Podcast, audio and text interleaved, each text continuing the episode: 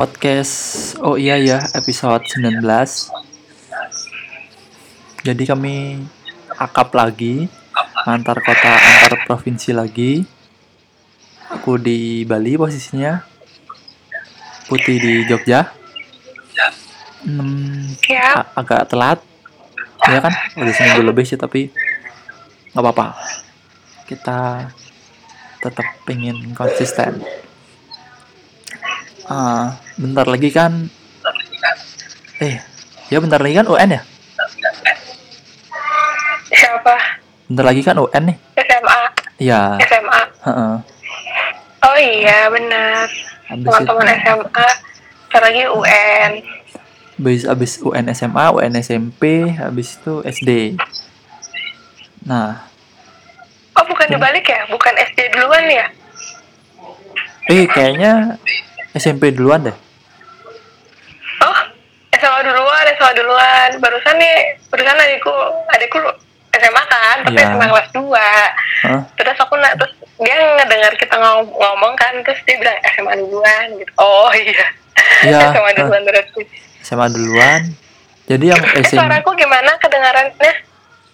ah agak kotor nggak bersih gitu gimana sih noise noise gitu loh Gimana ya? noise noise Apa Tapi- karena pakai earphone ya? Harusnya nggak usah pakai? nggak nggak apa-apa nggak apa-apa pakai earphone juga nggak ini aman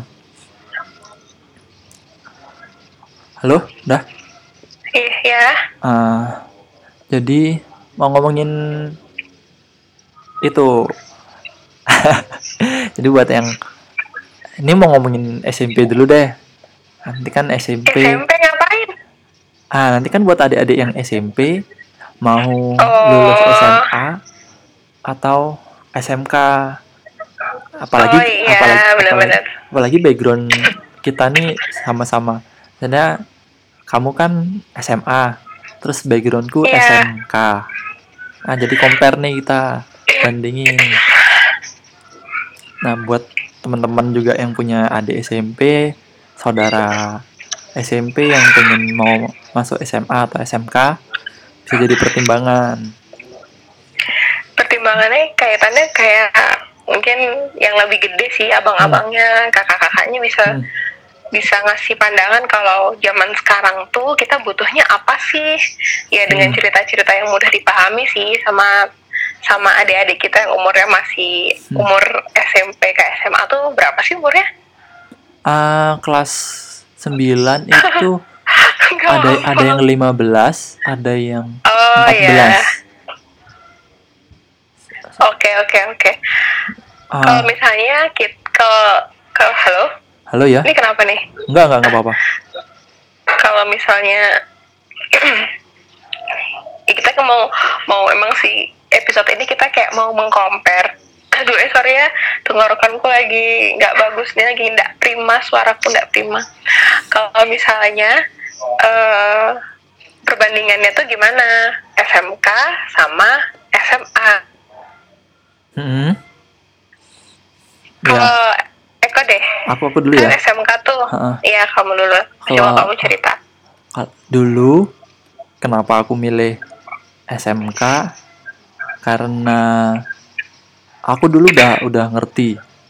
Zaman-zaman SMP itu aku udah suka dari zaman SD sih aku udah suka main game online. Terus udah ngerti komputer. Terus dari zaman dulu juga aku suka banget sama kartun. Suka banget sama gambar-gambar. Jadi kayak aku juga suka eh aku sempet browsing tentang jurusan, tentang jurusan SMA, jurusan SMK, tentang jurusan kuliah. Aku dulu dulu SD SMP tuh pengen banget jadi kartun yang buat-buat kartun gitulah, terus animator gitu kan adalah itu. Akhirnya cobalah belajar mulai dari yang dua dimensi. Dulu SMP juga, eh, dulu SMP udah belajar Photoshop, terus Corel Draw, Paint gitu.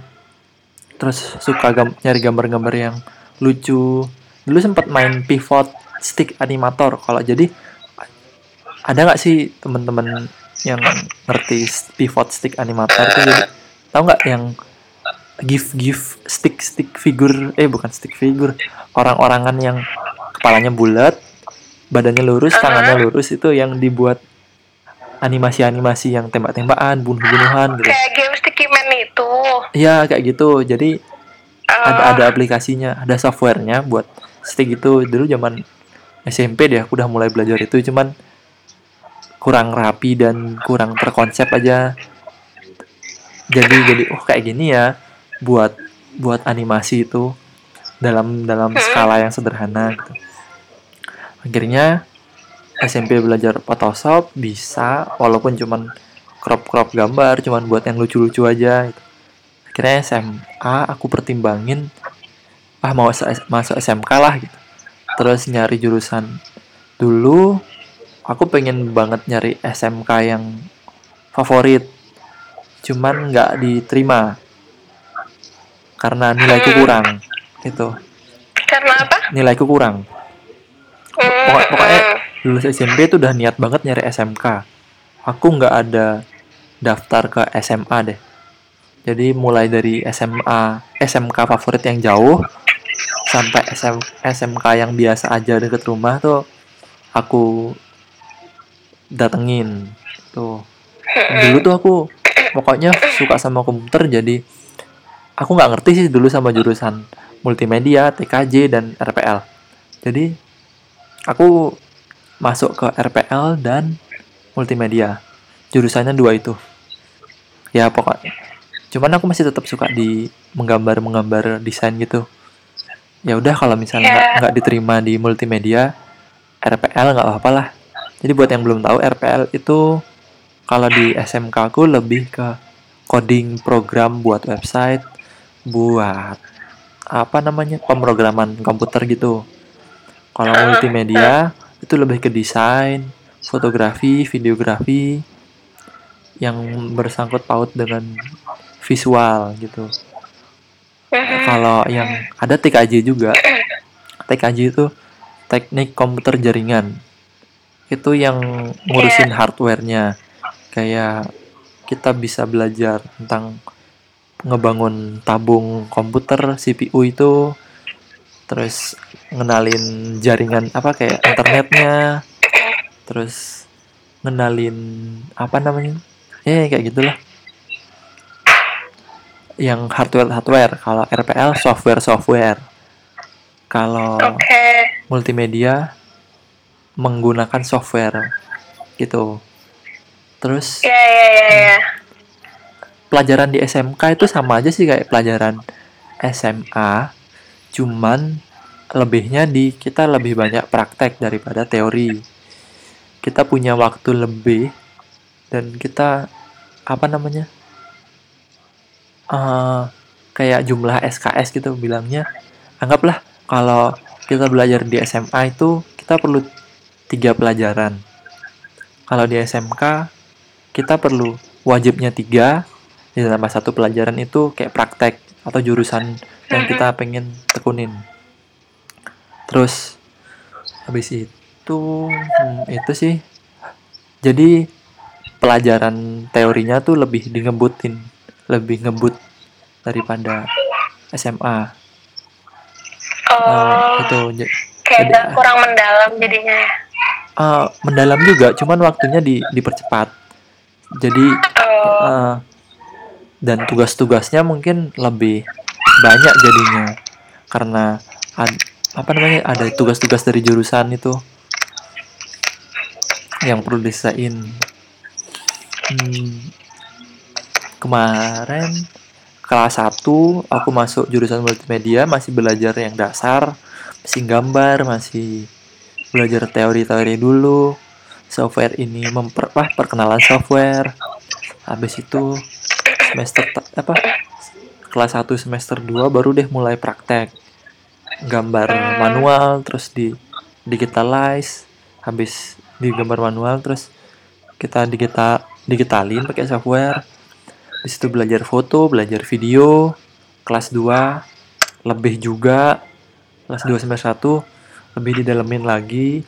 Dulu aku sampai sempat belajar 3D buat buat 3D kayak belajar buat asbak rokok buat rokok buat rumah yang walaupun cuma nempel-nempel aja terus dikasih pohon dikasih rumput itu belajar buat silinder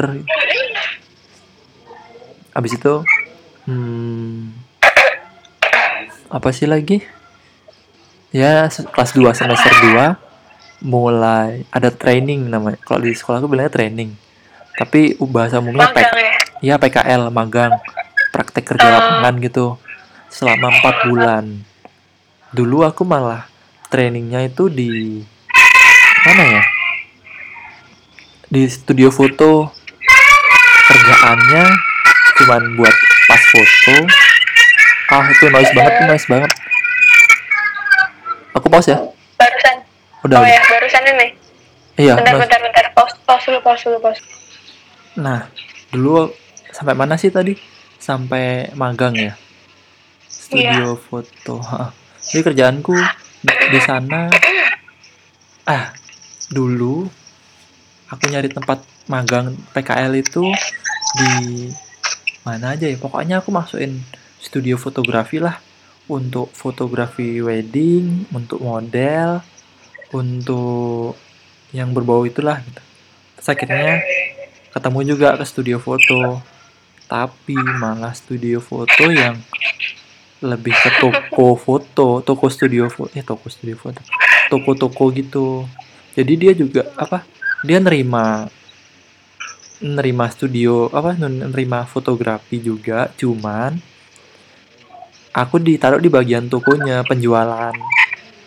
Jadi Eh, di situ aku apa namanya? Ah, aduh aku lupa ya. Disuruh kerjaannya tuh cuman buat pas foto fotoin orang buat pas foto ngeprint foto dua kali tiga tiga kali empat empat kali enam terus jualan terus sama sama buat apa ngeprint foto yang besar-besar yang kanvas gitu. Hmm, ya gitu doang. Selama jadi empat dapet apa yang kamu selama- pengen gitu ya? Ah, selama empat bulan. Ini ya ngerasa nyesel sih. Habis itu nyesel sumpah. Jadi kayak setelah itu satu bulan satu bulan kemudian aku pengen selesai nih. Pengen masa bukan pengen selesai permisi pak. Gitu. aku sempet nanya kan mau saya mau pindah training apa pindah pindah tempat training pindah tempat magang. Setelah ngomong sama sekolah bisa. Tapi setelah ngomong sama apa namanya tempat aku magang? training itu dibilang nggak bisa. Nanti sekolahku bakal di blacklist. Anjing. Ya ya, ya udahlah gitu. Emang akhirnya keren banget ya keren banget itu. Toko foto. Ah. studio foto itu keren banget. It- itu soalnya temanku yang rekomen gitu. Jadi empat orang nyari ini satu grup zaman SMA tau lah gimana geng-geng itu masih nggak bisa ber- bergerak individu tuh lah. Kekuatannya tuh ada di geng temanku yang rekomendasi ya udah. Dan ya jadi ada selama empat bulan tuh monoton gitu-gitu terus gitu. Ya yang aku bisa pelajarin ya itu sama aku ke- tahu dunia kerja tuh kayak gimana. Se- setelah setelah apa namanya? Yang aku bilang aku mau pindah tempat magang aku udah tahu tempat tempatnya.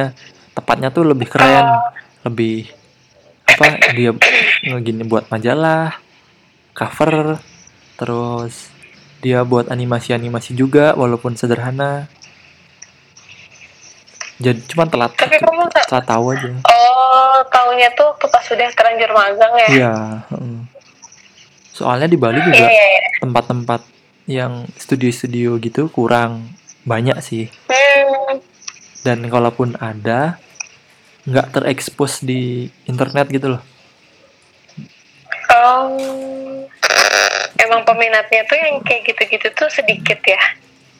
Lebih ke Hmm. pariwisata, ke iya yang heeh, boga, kayak gitu-gitu ya. Hmm.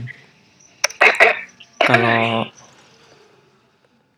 apa namanya jurusan boga itu malah gampang jurusan ada ada kalau di pariwisata tempatku ada tata boga akomodasi perhotelan sama UPW unit perjalanan wisata kalau nggak salah namanya. Itu jadi tata boga tuh ya jadi jadi chef jadi cook gitu terus waiter waitress itu juga belajar. Terus kalau akomodasi perhotelan itu lebih jadi butler maksudnya kayak O- O- OB juga room service itu bersihin kamar kalau di hotel terus laundry juga. Hmm. habis itu kalau si UPW lebih ke jadi guide jadi front office. Oh iya iya. yang yang kerja di front office. Terus Iya, ya itu. Kalau UPW yang aku tahu ya. Cuma Emang cuman ya maksudnya eh, SMK apalagi segmented gitu wilayahmu tuh Bali. Bali mana sih yang nggak yang nggak berhotel yang nggak membutuhkan tenaga untuk bekerja di bidang pariwisata? Pasti kayak gitu-gitu lahan pekerjaannya lebih banyak ya Oh, daripada Mm. yang milih. Emang SMK-nya cuma ada arsitektur gitu-gitu nggak sih SMK-nya SMK yang aku tahu nggak ada sih. Yang aku tahu ada mes- Oh. ada mesin ke mesin motor mesin mobil mesin besar Eh, eh, ada. Eh, tapi nggak arsitek. Ke pembangunan dia? Iya gambar bangunan. Bilangnya tuh apa sih? Ah, aku juga pengen cerita soalnya dulu kan aku tim SMA nih ceritanya. Mm. ini aku aku masukin ceritaku nggak apa-apa nggak? Eh nggak Ah. apa-apa kan? Atau masih mau cerita lagi? Aku aku mau aku dulu. Oh ya terus kalau eh, buat teman-teman yang pengen masuk SMK pertimbangin itu yang penting tahu tujuan lah. Terus SMK juga bisa kuliah. Kan banyak yang bilang lulus SMK kerja tapi juga bisa kuliah. Nah kalau pengen cuman ada ap- kalau orang yang pengen masuk jurusan tata boga tak masukan pariwisata itu kalau di Bali ada namanya DW daily working daily worker. Jadi ada daily daily. Daily hah, daily worker. Jadi apa namanya ada outsourcing dari hotel dari restoran butuh butuh gini cook helper atau dishwasher tukang cuci piring atau perlu yang laundry laundry gitu di hotel. Nah dia nyari. Nyarinya ada yang udah kerja sama sama SMA ada yang nyarinya lewat grup-grup komunitas apa grup-grup di grup di Facebook grup di Line. Jadi share tuh. Oh jadi ada ada grupnya itu. Jadi perusahaan apa ah, hotel ini butuh butuh orang DW sekian orang gitu. Hotel ini mau ada event tanggal segini butuh DW berapa orang gitu. Tapi tapi jabatan DW anak SMA itu lebih lebih rendah sih kayak ya dishwasher terus ada ada juga yang bisa jadi waiter gitu. Ada juga yang jadi Oh. bartender barback gitu. ya tergantung ininya sih. Apa namanya permintaan juga. Cuman ya rata-rata pasti dari bawah dulu. Nggak bisa langsung dari ke atas gitu. Hmm, itu enaknya SMK itu bisa dapat uang harian gitulah dan iya tapi Bali di Bali ya di Jogja aku setahu nggak ada daily working gitu. Hmm, hmm. T- terus jadi adikku kan dulu adikku jurusannya tata boga. Kadang tuh kalau nggak punya uang maksudnya kayak kadang kalau pengen jajan gitu pulang sekolah ada lowongan DW dia DW walaupun nggak full 8 jam gitu tapi uangnya DW ya nggak bisa satu hari cair. Bisa minggu depan gitu cairnya. Oh ada yang ada yang tiga hari ada yang satu minggu gitu. Terus ada juga kok yang misalnya nih oh adikku itu sering sering ngajak anak-anak SMA lagi malah untuk DW pokoknya pas dia DW adikku yang mimpin ngomong sama HRD-nya ya bilangnya satu sekolah gitu DW itu pasti diajarin kok kayak ini konsepnya gimana kerjaannya nanti apa aja. Nanti pasti di briefing sama kaptennya sama seniornya. Oh. Nanti kalau nggak tahu apa apa ya tinggal tanya aja. Aku pun dulu yang Iya, iya. jurusan komputer sempat DW juga yang kayak pengen pengen jajan nih aku terus ada lowongan DW ya udah aku ngisi aja. Dulu lebih ke food runner sama tukang polis tukang polis. Apa bersih bersih bersihin sendok bersihin oh kayak sendok yang- polis. Polis se- polis gelas kan Iya, maksudmu itu. Iya iya Iya. iya.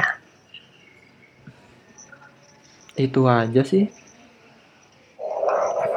Eh, ya ya SMK tuh nggak nggak eh sama untuk un- kalau buat adik teman-teman yang sudah ngerti tujuannya mau ke mana atau misalnya ekonominya nggak bagus-bagus banget untuk melanjutkan kuliah SMK bisa jadi pilihan sih solusi iya karena lul- lulus SMA SMK bisa bisa kerja Eh, Duta ini enggak ini podcast kita didengar sama Kemendikbud gitu gak sih? Mereka mungkin dengar gitu karena jadi duta SMK aja nih gitu. ya karena Iya. promo SMK. ya ya buat Kemendikbud podcast. Oh iya ya bisa jadi duta SMK nih. SMK SMA Nih announcer announcernya podcast. Oh ya ya ada yang mau jadi, bisa jadi duta nih gitu. Cie. Oke. Gimana? Aku sekarang? ya ya. Ya apa eh sebelumnya sorry ya suaranya nggak nggak enak di, lagi enak didengerin soalnya lagi radang udah gitu eh mungkin kalau kita podcast langsung live satu tempat itu kan enaknya kita saut-sautan ya tapi karena ini kita jarak jauh jadi kayak mendingan nungguin Eko selesai ngomong baru selesai ngomong baru aku ngomong jadi nggak punya saut-sautan yang kayak kalau kita live gitu ya jadi Iya, iya. gitu modelnya Hmm. Kan tadi Eko nih tim SMK ya, kalau aku tim SMA dong. Tapi sejarahnya bisa masuk SMA itu juga mau masuk SMK, malah kalau dibilang sekarang STM ya. hmm, teknik mesin Jadi tuh sama sih case-nya kayak Eko, SMP-nya goblok aku, jadi jadinya nilainya nggak bagus-bagus amat. Nilainya nggak bagus-bagus amat. Terus eh, kayak mau sekolah di mana nih? Gitu. Aku mah bebas kan dari yang dari wacana di pondok pesantrenin. Terus udah nyampe tuh udah nyampe pondok pesantren, udah tes baca kitab tuh loh, baca kitab kuning, anjir apalah nggak tahu. Arab gundul gitu kan. Aduh ujiannya apa sih nih terus aku bilang mah aku nggak mau lama di sini mah kenapa? Aku nggak bisa baca nggak bisa baca kayak gini dong. Udah negosiasi sama orang tua kayak gitu gitu sih padahal aslinya nggak nggak mau di pondok pesantren tuh langsung kepikiran iya ntar nggak bisa main. Udah itu doang. Terus bikin drama-drama gitu waktu sama pondok pesantren, pondok pesantren. Akhirnya nggak jadi. Ya jadi terus akhirnya muncul nih wacana STM karena punya beberapa teman di STM mau masuk ke STM itu. Dan STM ini di Jogja terkenal yang suka tawuran yang cowok-cowoknya tuh bener-bener mayoritas ceweknya tuh bisa dihitung pakai jari doang. Ya aku awalnya nggak merasa keberatan sih masuk situ STM aja kok. Karena kamu tomboy. apa? Karena apa? kamu karena kamu ada sifat tomboy gitu gak sih? Eh enggak sih aku kira biasa aja. Aku Hmm. aku aku pandai menempatkan diri kalau saya kalau Hmm. misalnya harus beringas beringas. Kalau harus lemah lembut lemah lembutnya gampang Hmm. fleksibel. Habis itu eh ya udah nggak masalah sih. Datang sana datang. Wah memang tuh bejijir bejijir tuh udah satu koridor gitu cowok semua. Sekalinya ada cewek tuh ya sendirian. Atau misalnya udah beruntung berdua tuh ya bisa ngobrol berdua. Atau satu Hmm. cewek ya akhirnya temennya cowok semua. Hmm. dan apa? Wah aku udah ngebayangin ya ampun kalau di sini aku sempat kepikiran aku jadi apa ya nanti? Gitu karena karena emang rumornya sekolah yang aku mau tempat itu sekolahnya nggak jelek secara akademis secara prestasi tuh nggak jelek. Bagus ya Eh, jadi menurutku tuh mereka tuh anak-anaknya nakal tapi komit gitu loh. Eh, pintar terus apa kompetitif gitu. Jadi mereka bersaing secara memberikan tenaga kerja di perusahaan-perusahaan bagus terus bikin karya-karya gitu tuh mereka cukup bersaing sekolah itu cuman emang nakal anak-anaknya terus itu kan Hmm. sama sama ibu doang tuh Ya. ke sekolahannya terus akhirnya pulang cerita kan sama sama bapak gitu Hmm. terus katanya kamu jadi apa sekolah di sekolah kayak gitu enggak enggak enggak, enggak. wah padahal aku udah kayak udah membangun pride gitu loh. Wih, sekolah di STM cewek kan sekolah di STM gitu kan. Dia udah membangun pride gitu aku iya iya. udah banyak tingkah pokoknya. Hmm. terus akhirnya enggak enggak enggak, enggak cari sekolah lain. Ah ya sudah cari sekolah lain. Cari sekolah lain dan eh, for information ya teman-teman aku nih dari dari SD lah dari SD SMP akhirnya SMA ini nih sekolahnya agama semua maksudnya sekolah sekolah Islam. Apa? SD-nya SDIT Islam terpadu oke. Ya. SMP-nya juga sama, SMA-nya juga sama kayak gitu lagi. Ya ampun, kayak nggak bosan sih, nggak terus ah masa Islam lagi sih, masa berbasis agama lagi sih, nggak ada nggak ada kayak gitu-gitu Mhm. biasa aja. ya ya Toh juga anak-anaknya sama-sama nakalnya kayak sama-sama negeri, sekolah-sekolah negeri gitu. Jadi aku nggak kehilangan, nggak kehilangan masa-masa nakal gitu nggak. terus apa? eh, akhirnya udah ke SMA berbasis agama juga akhirnya ya udah masuk sana eh kalau misalnya tadi Eko cerita kalau SMK tuh kayak menurutku kompleks ya ya kita tuh harus harus bisa membagi apa eh, kinestetik gitu loh. Jadi otak kita bagian kinestetiknya bagian kognitifnya bagian apa apa sih satunya lagi kan lupa. Pokoknya yang kita bergerak kita berpikir praktek itu kan Iya. eh, otaknya beda-beda ya. Kalau SMA tuh aku rasanya kita cuma satu doang. Jadi cuma teori. memahami aja. Mhm. teori kan benar-benar teori. Paling lebihnya ekstrakurikuler. Nah kayak gitu sih escape-nya adalah di ekstrakurikuler. Dulu aku ekstrakurikulernya broadcast broadcast broadcasting Wow. punya radio di sekolah. Wow. Terus ya cuman la- pelariannya kalau aku ngerasa anak-anak SMK banyak hiburan gitu kan jadinya Mhm. saya udah habis teori gitu akhirnya ketemu sama aduh suara aku masih jelek banget ya. Ah, ketemu sama ketemu sama praktek bisa bisa Iya main gitu. Jadi jadi playground waktu praktek tuh. Nah kalau aku SMA punya playground tuh ya waktu ekstrakurikuler. Dan aku pun hari Minggu pun tetap ngambil jam siaran karena ya satu suka dua suka ya ketiga karena hobi. nggak ada yang nggak ada yang ngambil nggak ada yang mengambil hari minggu selain aku. Dan udah gitu eh guru pemandu broadcastnya juga nggak apa-apa kalau kamu mau ngambil minggu gitu. Ya udah akhirnya hari minggu tetap ke sekolah tetap siaran tetap di call box tetap ya kayak gitu sih. Walaupun memang belum se se apa ya semewah bener-bener call box radio gitu belum. Hmm. cuman tetap aku memanggilnya call box. Gitu sih. Terus SMA tuh lebih kerasa vibe-nya. Anak pinter anak biasa aja bahkan anak bego gitu lebih kerasa sih vibe-nya.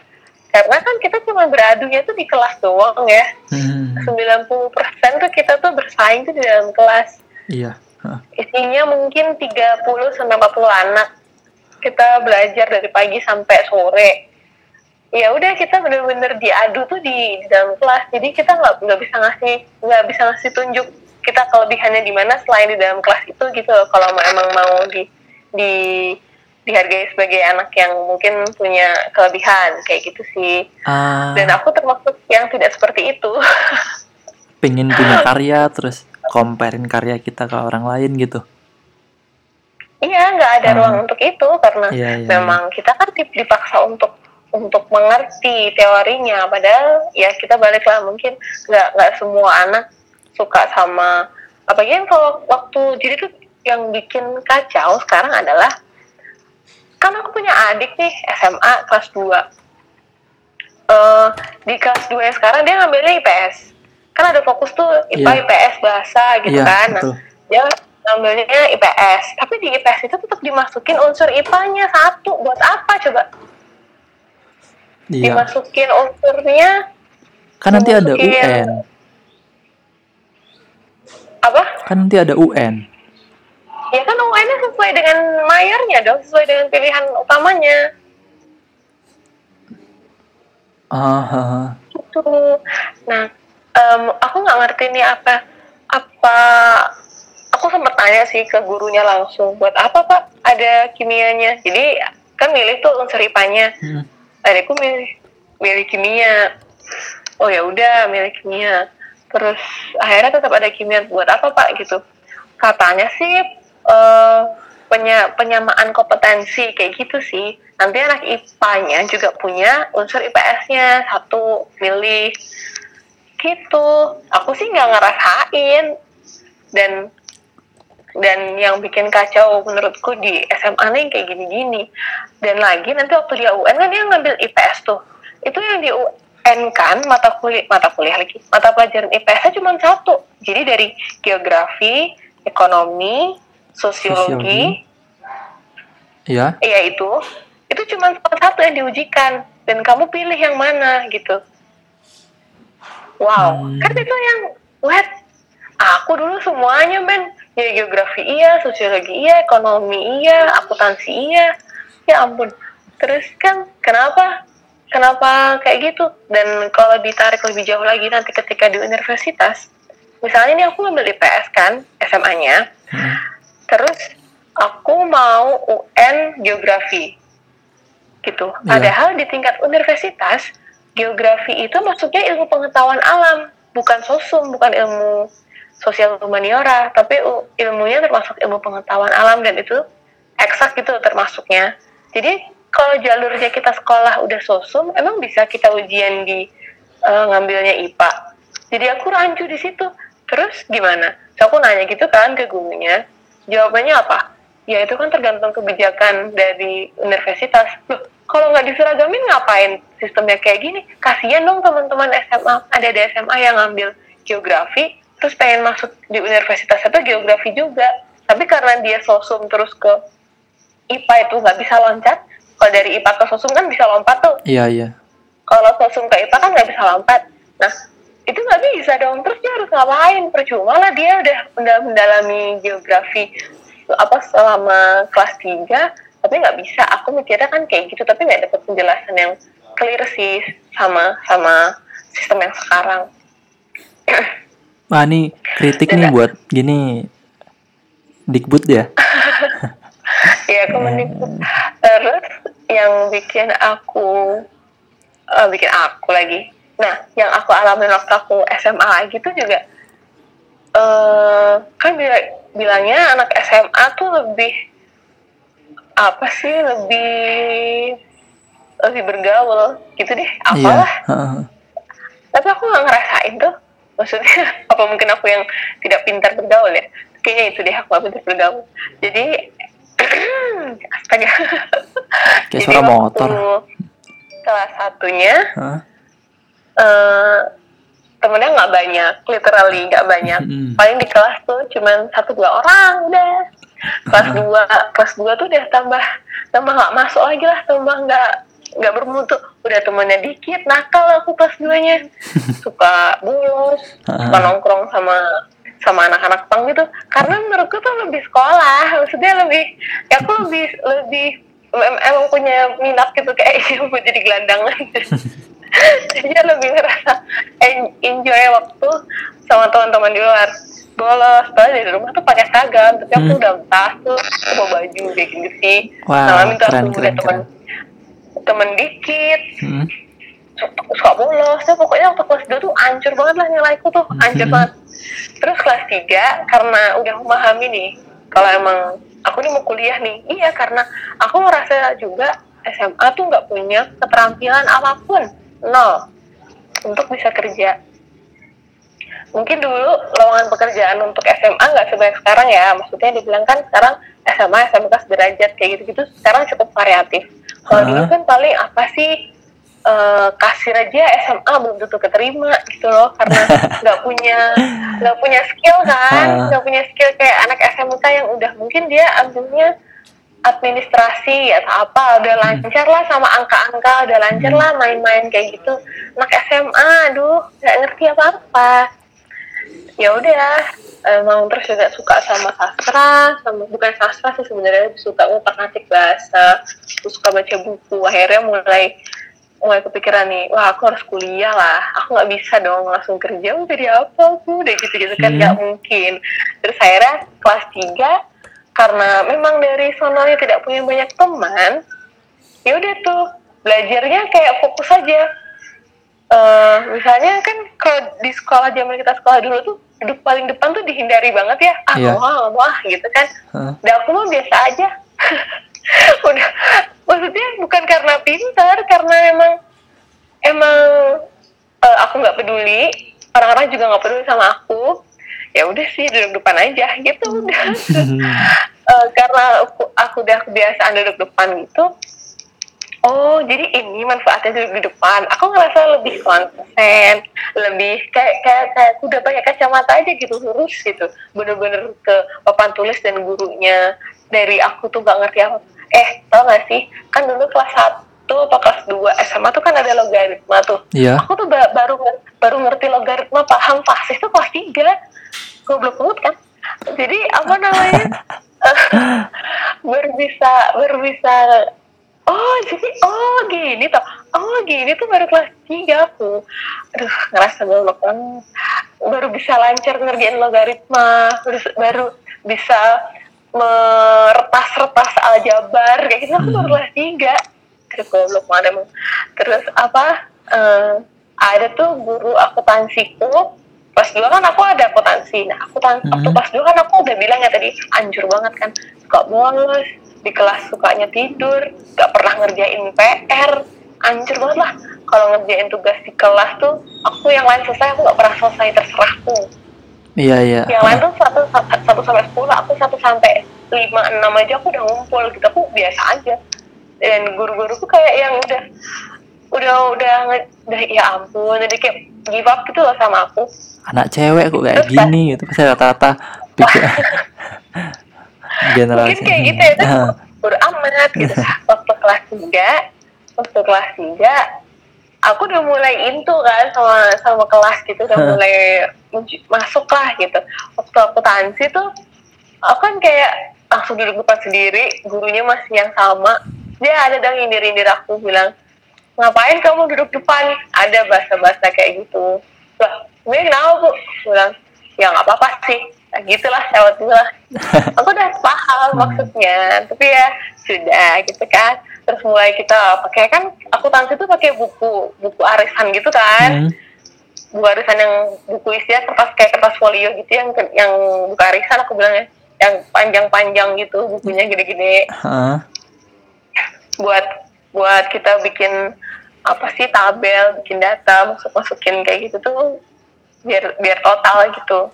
Nah aku tuh baru bisa ngerti bener-bener debit kredit nanti tuh masuknya gimana tuh kelas 3 loh. Aduh aku beruntung banget lah kelas 3 nya aku nih. Duduk di depan. duduk di depan. Sumpah aku baru ngerti. Oh gitu ah gitu.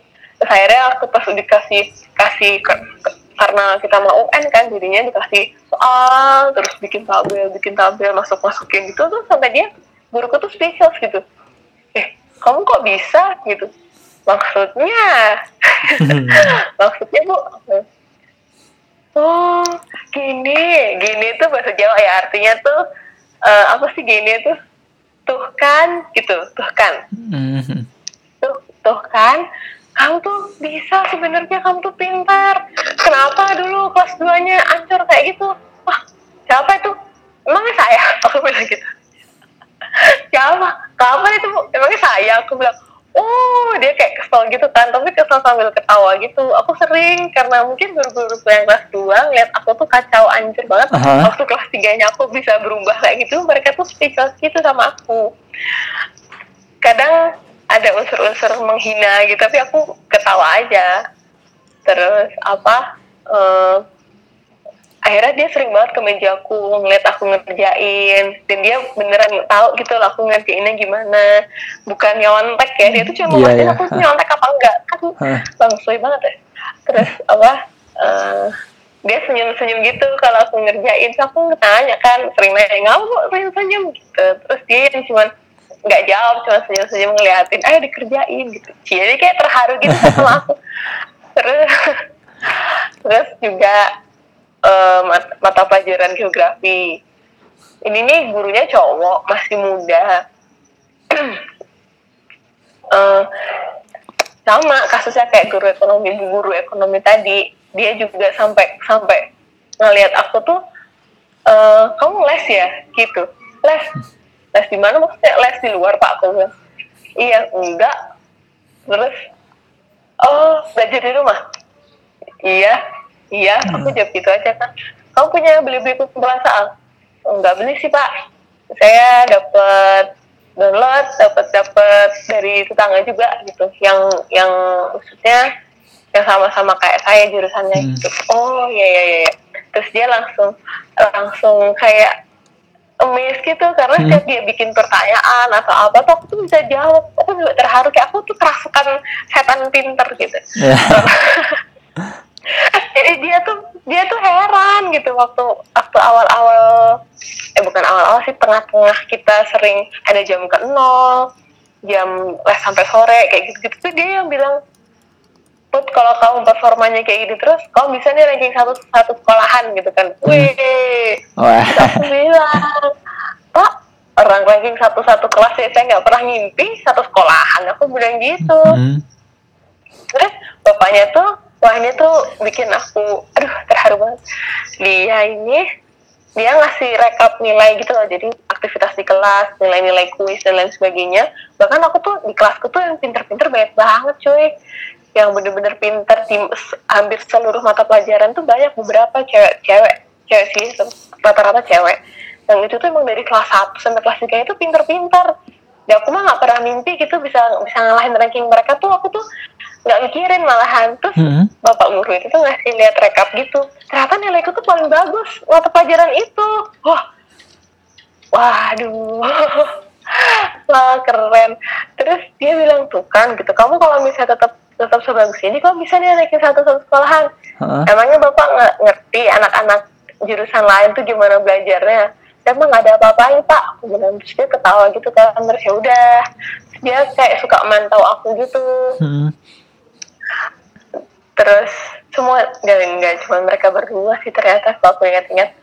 Hampir semua guru guru guruku SMA yang tahu kelas 2 nya aku kayak gitu kelas 3 nya aku bisa bisa Berubah. berubah bisa hijrah kayak gitu tuh semuanya speechless sampai yang bisa senyum-senyum ngeliatin aku doang ngangguk-ngangguk gitu deh kayak Hmm. kita kamu ngerti kan film-film gitu yang senyum manggut-manggut kayak ada isyarat-isyarat kebaikan nah gitu kan Hmm. pokoknya aura-auranya mereka kalau melihat aku udah gitu waktu pas apa eh, ekonomi ekonomi tuh oh ekonomi akuntansi deh Hah? itu aku tuh punya satu satu renteng panjang banget itu isinya rumus semua.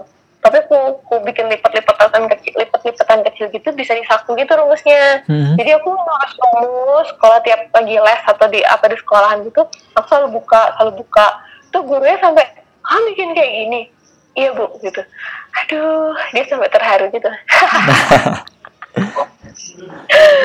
aku niat banget tuh. Dan akhirnya eh emang sih lulus lulusnya sangat memuaskan. Walaupun nggak ranking satu satu sekolahan tapi aku lima besar satu sekolahan sih. Terus apa? Waktu pas pendaftaran kuliah gitu kan jalur SNMPTN gitu SBMPTN nah SNMPTN nih aku nih nggak positif keterima gitu kan. Masa tanpa tes itu jalur undangan ya kali aku gitu kan. Jadi Hmm.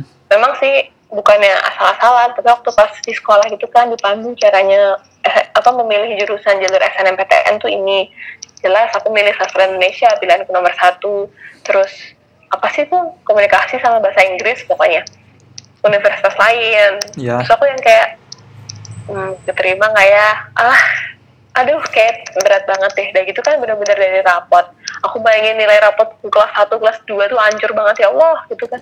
Terus eh, apa namanya persiapan lagi tuh aku belajar belajar lagi buat SBMPTN SBMPTN nya aku milih yang wah karena ini aku belajar nih karena ini hasil usaha aku banget nih milihnya nggak boleh tanggung tanggung lah gitu. Wah HI aku pilih. Sastra Anjir. Indonesia aku pilih. Terus eh apa sih HI itu sama apa ya satunya lupa aku kayak filsafat deh. Kayak itu deh.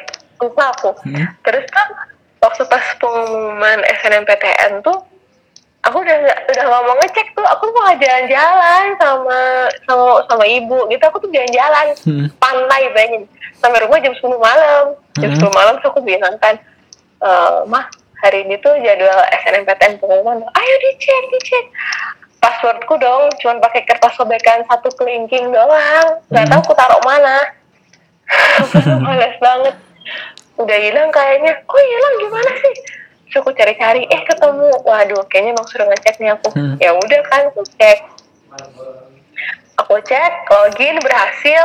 Terus aku buka- aku scroll down scroll down gitu kan. Wah gak keterima nih aku nih. Kok jauh banget gitu kan Itu pikiranmu kan? banget terus scroll down gak ada pengumumannya terus scroll down lagi eh hijau dong Hmm. itunya kolomnya selamat anda telah diterima anda telah lolos atau anda, anda telah ter- diterima gitu kan waduh We are the champion. Bingung kan? We are the wah champion. keterima gitu my friend. iya iya aduh gitu terus aku yang kayak hmm mau tidur aja tuh aku takut dikira aku mimpi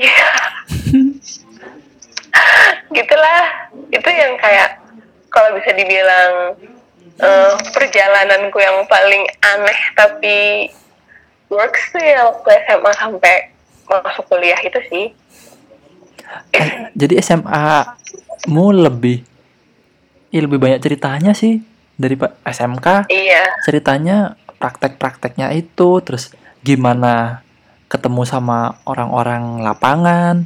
Kayak adikku Mhm. Ceritanya dia banyak ketemu sama senior dia kan pas DW ketemu senior yang kayak gini lah ketemu senior yang galak ketemu senior yang baik ketemu pimpin supervisor yang asik ketemu supervisor yang asik di tempat eh nggak asik di tempat kerja tapi asik di luar. Terus asik tuh jadi apalagi kalau udah apalagi anak JB gitu kan apa anak tata boga yang yang misalnya di bartender gitu lagi istirahat Iya. ngerokok gitu. Padahal ya di di sekolah nggak dikasih ngerokok tapi istirahat ngerokok gitu. Sama. Ah. terus ya perlu buat laporan juga itu sih laporan. Sebenarnya kalau Hmm, iya dikerjain laporan kan ada laporan juga tuh. Ada kegiatan Mhm. sehari-hari training tuh ngapain magang itu ngapain. Iya iya. Ya ke, ke punya aku sama cuman beda tanggal aja. Buat pas foto ngedit ngeprint buat pas foto ngedit ngeprint dah gitu aja dah. Empat bulan ya Allah.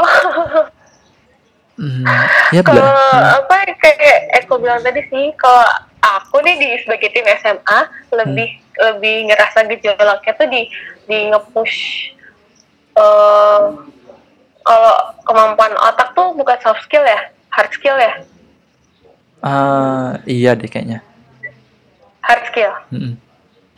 oh iya iya sih lebih ke yang hard skill itu tadi. Kalau yang soft skill kayak keterampilan apa gitu tuh cuma dapetnya pas ekstrakurikuler. Dan itu pun kalau emang mau seri mau bagus tuh harus serius. Soalnya Hmm. itu tuh bukan continue bukan kayak anak SMK yang sekarang kita nggak bisa. Besok tuh masih ada lagi kok jadwal. Ya, ya, saya ya. sekarang misalnya cuma 10 besok naik 15 it's okay karena besok masih ada lagi gitu sampai kamu lulus gitu. Tapi kalau SMA kalau udah ekskul ekskulnya udah nggak wajib terus cuman sekedar doang nggak ditekunin ya nggak nggak nggak kerasa efeknya pernah ikut ekskul dan Hmm. syukurnya di sekolahku ada ekskul yang benar-benar aku minatin gitu jadinya ya oh, udah deh ngerasa kerasa manfaatnya pernah ikut ekskul itu Hmm. Eh kita perlu ngetek Dikbud gak sih nih di Twitter? Ini pak emang mereka emang mereka mau dengerin satu jam berdua ngomong gitu. Ya, siapa tahu dia punya bau siapa tahu dia punya bawahan yang tolong cariin permasalahan-permasalahan gitu. Nanti kita omongin bareng-bareng kan siapa tahu kan. Dia bisa dah di di tag aja nanti. Iya tapi iya deh, aku deg-degan nih. Kayak siapa tahu dapet DM gitu. Ah. Wah tertarik gak bergabung dengan Kemendikbud? Wah tertarik pak, saya bentar lagi lulus satu jadi pengangguran deh. Boleh boleh boleh. dulu nih Dan oh iya, apa apa apa? kamu dulu kamu dulu Iya, sekarang kan aku kuliah nih. Hmm, Eh, jadi jalannya mau kuliah tuh bisa dibilang kalau yang lain mungkin jalannya masuk kuliah tuh ada yang lewat tes kan, ada yang mulai dari SNM nggak masuk, Mm-mm. SDM nggak masuk, terus seleksi mandiri, ada yang satu dua tiga dari universitas sampai mungkin yang terakhir banget baru bisa masuk di situ mungkin kerasa eh, struggle-nya, belajarnya, adrenalinnya tuh terpacu terus untuk belajar, Mm-mm. yang ninggalin ninggalin hobi dulu, ninggalin main dulu untuk konsen supaya bisa masuk perguruan tinggi dan jurusan yang diimpikan gitu. Mungkin aku nggak ngerasain di situ. Yang aku bilang kayak gimana caranya aku bisa masuk universitas dan jurusan yang aku pengen itu dibangunnya tuh dari sekolah dari kelas 3 tadi aku cerita Mm-mm. kayak aku mulai mikir kalau misalnya aku mau kuliah aku harus harus pintar nih bukan pintar lah paling enggak harus usaha gitu harus kerja keras ternyata ada jalur tanpa apa ja- jalur undangan itu kan jalur tanpa tes ya pakai rapot ya udah maksimal maksimal di sekolah maksimal di kelas 3 bener-bener belajarnya di situ alhamdulillahnya keterima. Kalau misalnya ada yang apa nanya gimana gimana caranya struggle di kuliah tuh Han Han. mungkin apa? Ini 50 menit loh. Gimana kalau kuliahnya dibuat part 2 aja. Oh ya ampun. Iya ya. Hah, tidak terasa.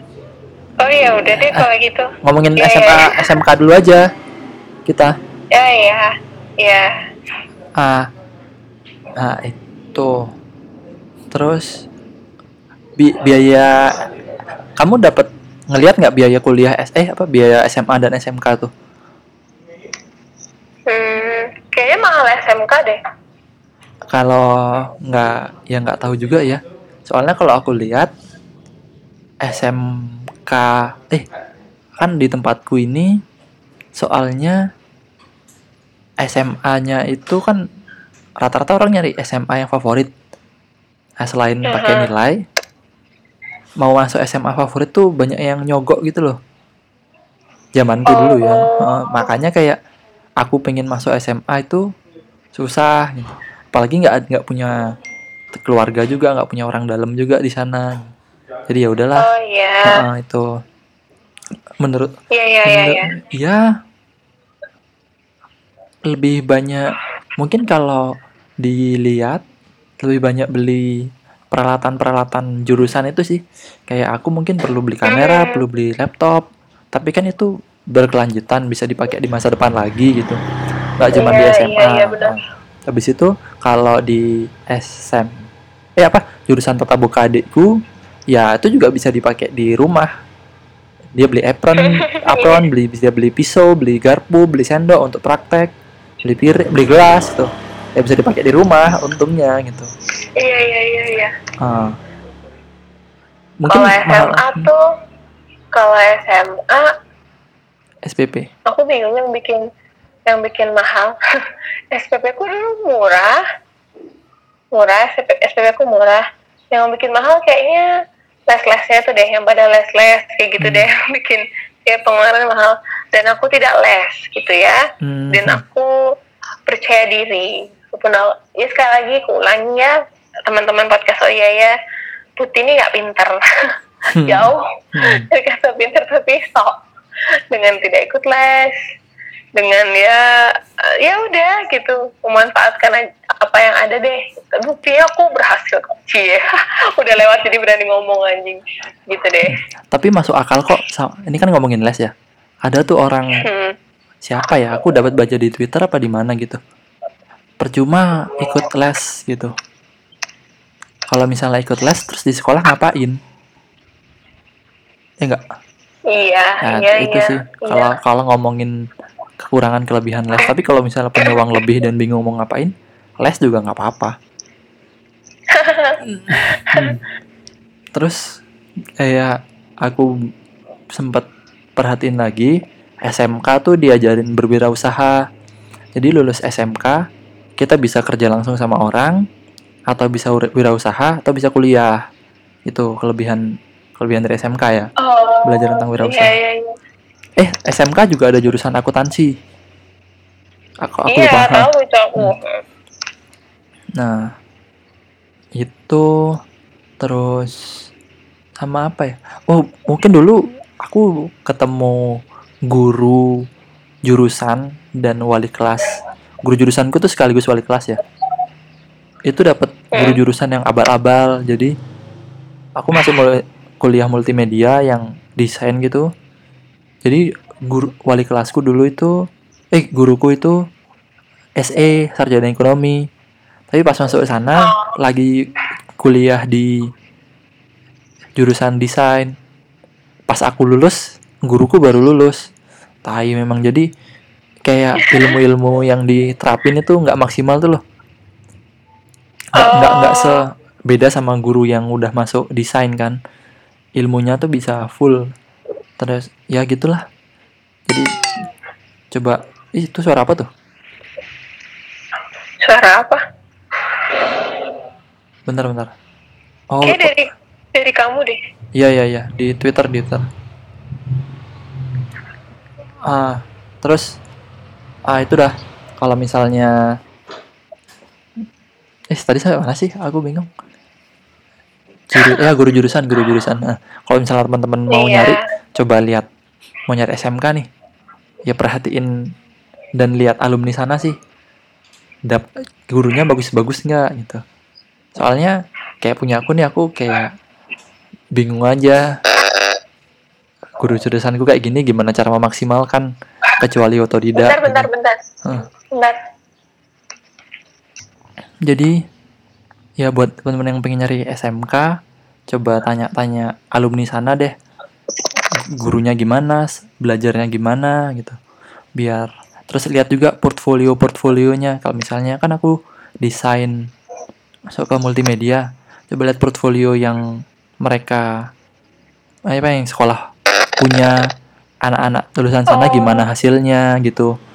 Karena so- aku ngerasa cupu aja setelah lulus terus di compare sama SMK yang aku pengen masukin dulu yang SMK favorit wah Iya. skillful banget lah anak-anak SMK favorit sana tuh Oh. Hmm, itu terus ditambah lagi di Bali juga udah mulai banyak desain dan acara-acara kreatif gitu jadi ya lebih banyak sih jadinya kalau bisa kalau misalnya masuk SMK gitu coba sering-sering ke situ aja ke kayak misalnya pameran misalnya atau ya pameran desain pameran foto untuk nambahin skill-skill itu lagi jadi nggak cuma dapat Iya, dari sekolah gitu. Nambahin sense gitu ya. Heeh. Masah sense juga. Hmm. Terus apa lagi ya? Kalau dulu SMK-nya ada SMK negeri juga kok di sini. Di sana ada? Lah ada. Banyak. Hmm. Mhm. Emang kamu sekolahmu bukan negeri? Sekolahku bukan negeri. Oh. Jadi jadi kayak harus bayar SPP juga, bayar praktek, bayar uang uang gedung juga.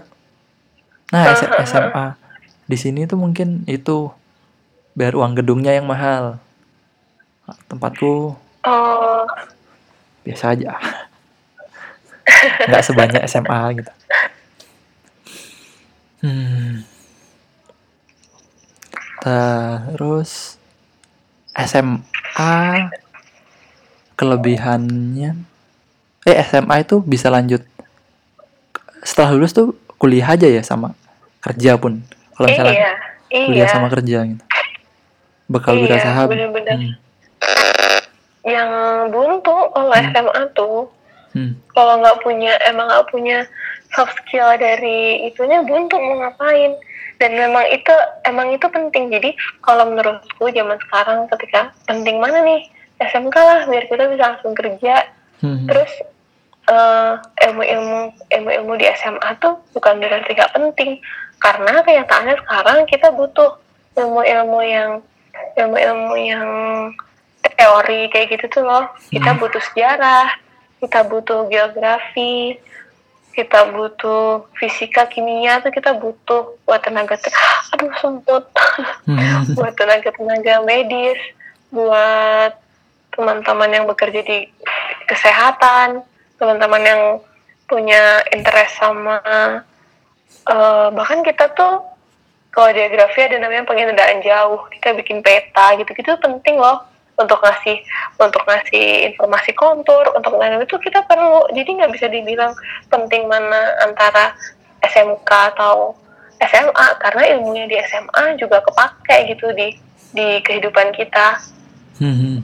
kalau SMK menurutku SMK lebih punya mental anak-anaknya. Lebih punya mental lebih punya percaya diri daripada anak-anak SMA soalnya anak-anak SMA perlu emang perlu lanjut untuk mendalami ilmunya dan bisa dipakai untuk kerja gitu kalau SMK eh, udah dikasih bekal sebanyak itu dari kelas 1 sampai kelas 3 misalnya kamu tadi multimedia Hmm. diajarin soal fotografi, videografi, desain dan lain sebagainya, software kayak gitu, Hmm. eh, udah ma- udah ma- udah mateng lah tiga tahun. Kamu keluar dari keluar dari sekolah mau kerja dengan itu tuh eh, udah bisa karena itu tuh ilmu ilmu remote gitu. Kita bisa kita bisa belajar di mana pun karena kita udah ngerti basicnya. Kalau geografi, kimia dan lain-lain tadi bukan ilmu yang bisa dicerna sendiri karena kita butuh ahli untuk menerjemahkan apa yang teks itu maksud atau rumus itu maksud. Kayak gitu sih. Sama-sama penting lah. Kalau apa bilangnya krisis ekonomi negara lah. Jadi kita memang butuh butuh apa orang-orang mandiri kayak gitu-gitu. Ya kita nggak usah bikin SMK SMK juga nanti nyari lowongan pekerjaan. Kita bikin sekolah sekolah wirausaha aja biar orang-orang bisa wirausaha. Kalau misalnya ngomonginnya krisis ekonomi kayak gitu-gitu ya. Iya, iya, iya. Sam, ah, oh tadi ya pasti suara pasti suaraku hancur banget ya. Udah. Benge, benge aja sih, udah benge, limit. Apa? Benge aja. Oh Hmm. so- soalnya udah kayak limit gitu tuh tenggorokanku Minum dulu deh. ya ya ya ya udah Ah, belum dikit lagi. hmm, apa sih? Oh iya, SMK SMA itu ya semoga di diratain lah jumlah jumlah sekolahnya ya. Kayaknya sekarang ya kalau di zaman dulu SMK sedikit, tapi sekarang sudah mulai banyak ya gitu. Hmm, Jadi biar ketika tumbuhnya lowongan pekerjaan terus yang yang ngisi juga banyak itu kan jadi adanya lapangan Iya, iya. pekerjaan terus ditambah sama orang-orang yang siap kerja enak nggak cuman Iya sih maksudku pengadaan SMK itu kan salah satunya eh, supaya kita tuh punya generasi yang siap bekerja gitu loh. Bukan yang bukan yang apa eh, ya kasarannya bukan yang sekolah terus dan bukan yang berlama-lama di bangku sekolah dan ketika nanti dilepas gak ngerti apa-apa gitu loh. Karena dapetnya teori doang. Hmm, maksudnya ada SMK adalah kita punya generasi-generasi anak-anak muda yang udah punya skill gitu. Skillnya secara lapangan. Contohnya kamu tadi. Hmm, terus mungkin teman-teman mesin teman-teman tata boga. Itu dia punya skill secara lapangan yang memang waktu kerja itu yang dipakai. Bukan ilmu kita di sekolah satu tambah satu sama dengan dua kayak gitu. Mungkin maksudnya ada eh, apa ya kampanye SMK adalah itu gitu. Ya aku sepakat kok kayak aku bilang tadi kalau anak-anak SMK pasti punya mental dan percaya diri yang lebih dari anak-anak SMA karena mereka udah punya skill itu dan udah bisa ngebawa dirinya pakai skill yang dia punya gitu. Kalau anak-anak SMA mau waktu SMA-nya pinter banget kayak apa langsung kerja. Belum tentu bisa kalau nggak punya skill kayak yang kayak yang bener-bener di kehidupan nyata tuh dipakai. Makanya kalau misalnya kita ngomongin lagi skill kepercayaan diri. Makanya sekarang ada kurikulum 13 kurikulum 2013 Hmm. di sekolah umum di SMA di sekolah-sekolah gitu untuk apa eh teman-teman yang nggak di SMK itu dikasih case soal yang eh, pemecahan apa lebih ke pemecahan masalah sehari-hari gitu. Bukan soal yang teoritis Terus udah belajar dari hmm, buku gitu bukan. Tapi soalnya mulai dimodifikasi direlatekan dengan kehidupan sekarang. Jadi ketika nanti mereka lulus mereka bisa pakai ilmunya untuk benar-benar apa ya me- memecahkan masalahnya dengan ilmu yang mereka pakai. Kayak gitu. Hmm. itu sih sebuah usaha lah menurutku Ah, tapi gonta ganti kurikulum ganti gonta ganti kurikulum. Kita ganti menteri ganti kebijakan. Ganti menteri ganti kurikulum. Nah gitulah kehidupan pendidikan hmm. Indonesia tuh kayak gitu. Kalau oh iya kamu kan tadi ngomongin bolos tuh ya. SMK itu iya. bisa bolos juga sih kayak kemarin aku SMK pas sekolahku di disur, dipilih jadi yang liput ulang tahun kecamatan jadi ada Hmm. kota camatnya apa kecamatan tuh ulang tahun terus buat acara jalan sehat buat acara kayak gerak eh gerak ya gerak jalan gitu terus parade parade marching band gitu. Nah sekolahku yang ngeliput. Nah pas lagi kayak ngeliput ngeliput gitu aku aku jadi dapat dispen terus Eh, memaksimalkan dispen itu. Jadi pas lagi jam pelajaran sekolah tapi aku nggak ada ngeliput ya aku ya udah libur aja lah gitu bolos aja. Tapi di studio aku ngedit video gitu. Kalau terus kalau ada teman-teman yang capek yang males apa udah udah kerja nih kemarin terus sekarang harus Oke. sekolah. Tapi males sekolah ya udah aku, aku aja ngedit video aja gitu. Gitu. Berarti kamu yang ngajakin bolos. Iya, tapi kan dia juga tim jadi dimaklumi lah sama sekolah gitu. Eh, Terus kadang ada sekolah sekolah yang nawarin yang nawarin kerjaan harian gitu kan. Ada yang mau nggak besok gitu. Dikasih dispen, cuman dispennya ini harus dibayar besok apa dikasih utang gitu lah. Tapi kalau misalnya ada utang nilai harus cepat-cepat dibenerin. Gitu. Kalau yang DW-DW itu. Kalau yang aku mungkin karena hitungannya kayak udah mengharumkan nama sekolah ya di tingkat kecamatan gitu. Jadi nilai-nilaiku yang nggak aku bisa kejar dikasih nilai bagus gitu. Dulu, pernah pokoknya pernah di, diajak ngomong tuh sama guru PKN kalau nggak salah. Tanya ini nilai nilai kamu kurang.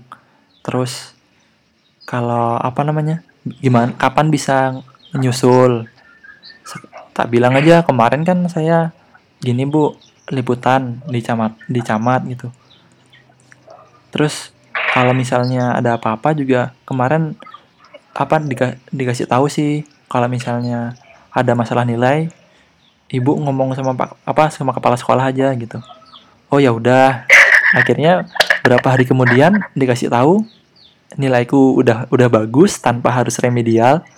Terus ya ibu minta maaf kemarin ibu nggak tahu gitu. Eh malah gurunya minta maaf astaga kayak mulia banget ya. Ya itu sih.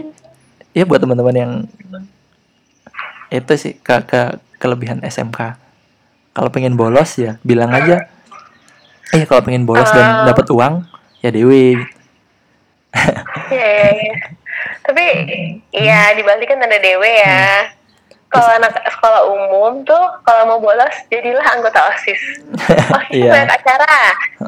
OSIS tuh banyak acara, banyak banyak tuh nggak jelasnya ngapain sih pakai harus rapat dulu nih, nah, nih ya basi gitu. Aku sih bukan anak OSIS ya. SMP-nya dulu anak OSIS, SMA-nya bukan. Dan ngelihat kayak alah cuman buat ngabis-ngabisin duit alah dapat privilege makan siang dibayarin guru doang alah gitu-gitu sih aku dulu sama jadi bener-bener gak memperhatikan kayak gitu-gitu.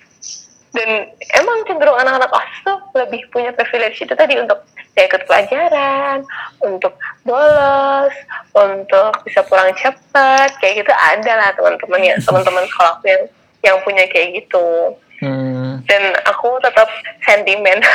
Nggak ding. Hmm. nggak nggak nggak Ya. SMK, SMA. That's all ya. Mungkin ada yang Iya ya. punya punya ma- cerita juga tentang SMA. Bisa kirim ke SMK atau SMA. Bisa kirim ke atau cerita yang lain ya podcast oh iya ya at gmail.com. Eh kamu ada ada mungkin ada kritik nggak buat SMK atau SMA? apa Eh ya buat SMA kan kamu Eh. backgroundnya nih. Apa ya tadi udah udah SMA apa yang tadi udah tuh udah termasuk itu? udah ada tadi itu aja udah siapa sih aku kritik-kritik SMA weh Ya kan karena kita udah di sana udah ngerasain siapa tahu ada yang bisa diperbaharui lagi. Eh di ya perbaharui ya, di upgrade, di update gitu. Hmm, aku kira nggak ada yang perlu sih aku nggak perlu nggak perlu kritik apa pun karena kita tiap ganti menteri ganti kebijakan. Udah nanti tinggal kita lihat menterinya sekarang kayak apa. Ini sebenarnya ben- bentuk dari keputusasaan sih karena nggak tahu harus harus gimana karena saking sudah complicated. Dibilang kurikulum ini nih yang bagus kurikulum ini yang bagus gitu. Biar Eh, Heeh. tapi ternyata kurikulum-kurikulum itu belum bisa belum bisa relatable sama kenyataan sekarang gitu kan. Ya. Ya sudah kita tinggal tunggu aja. Nanti kita punya pilpres kita akan punya kabinet baru kita akan punya menteri baru gitu. Kita lihat kayak apa. Bahkan kurikulum 2013 atau kurikulum yang tadi aku coba ceritain mungkin aplikasinya belum seberapa belum terasa tapi nanti ganti lagi. Nah nggak tahu deh itu nanti gimana. Atau deh. Terus kalau aku SMK ya mungkin guru-gurunya di per dicari yang jelas lah. Jurusan dia dia dia ngajar apa apa dia backgroundnya apa ngajar apa gitu yang jelas lah biar nggak cuman sekedar doang sekadar doang gitu. Terus apa namanya? Ya balik lagi ke guru-guru ya. Itu sih. Coba cari guru yang jelas aja Iya ya karena kalian kan mainnya skill banget, Hmm. jadi harus dapetnya kayak seorang yang ahli gitu kan ya. Iya iya betul betul betul udah ya Udah. podcast oh iya ya eh podcast oh iya ya gitu Oh gitu. Nah, podcast oh iya ya udah nih Udah. udah Udah ya. ya ya Ya. ya ya udah udah deh. deh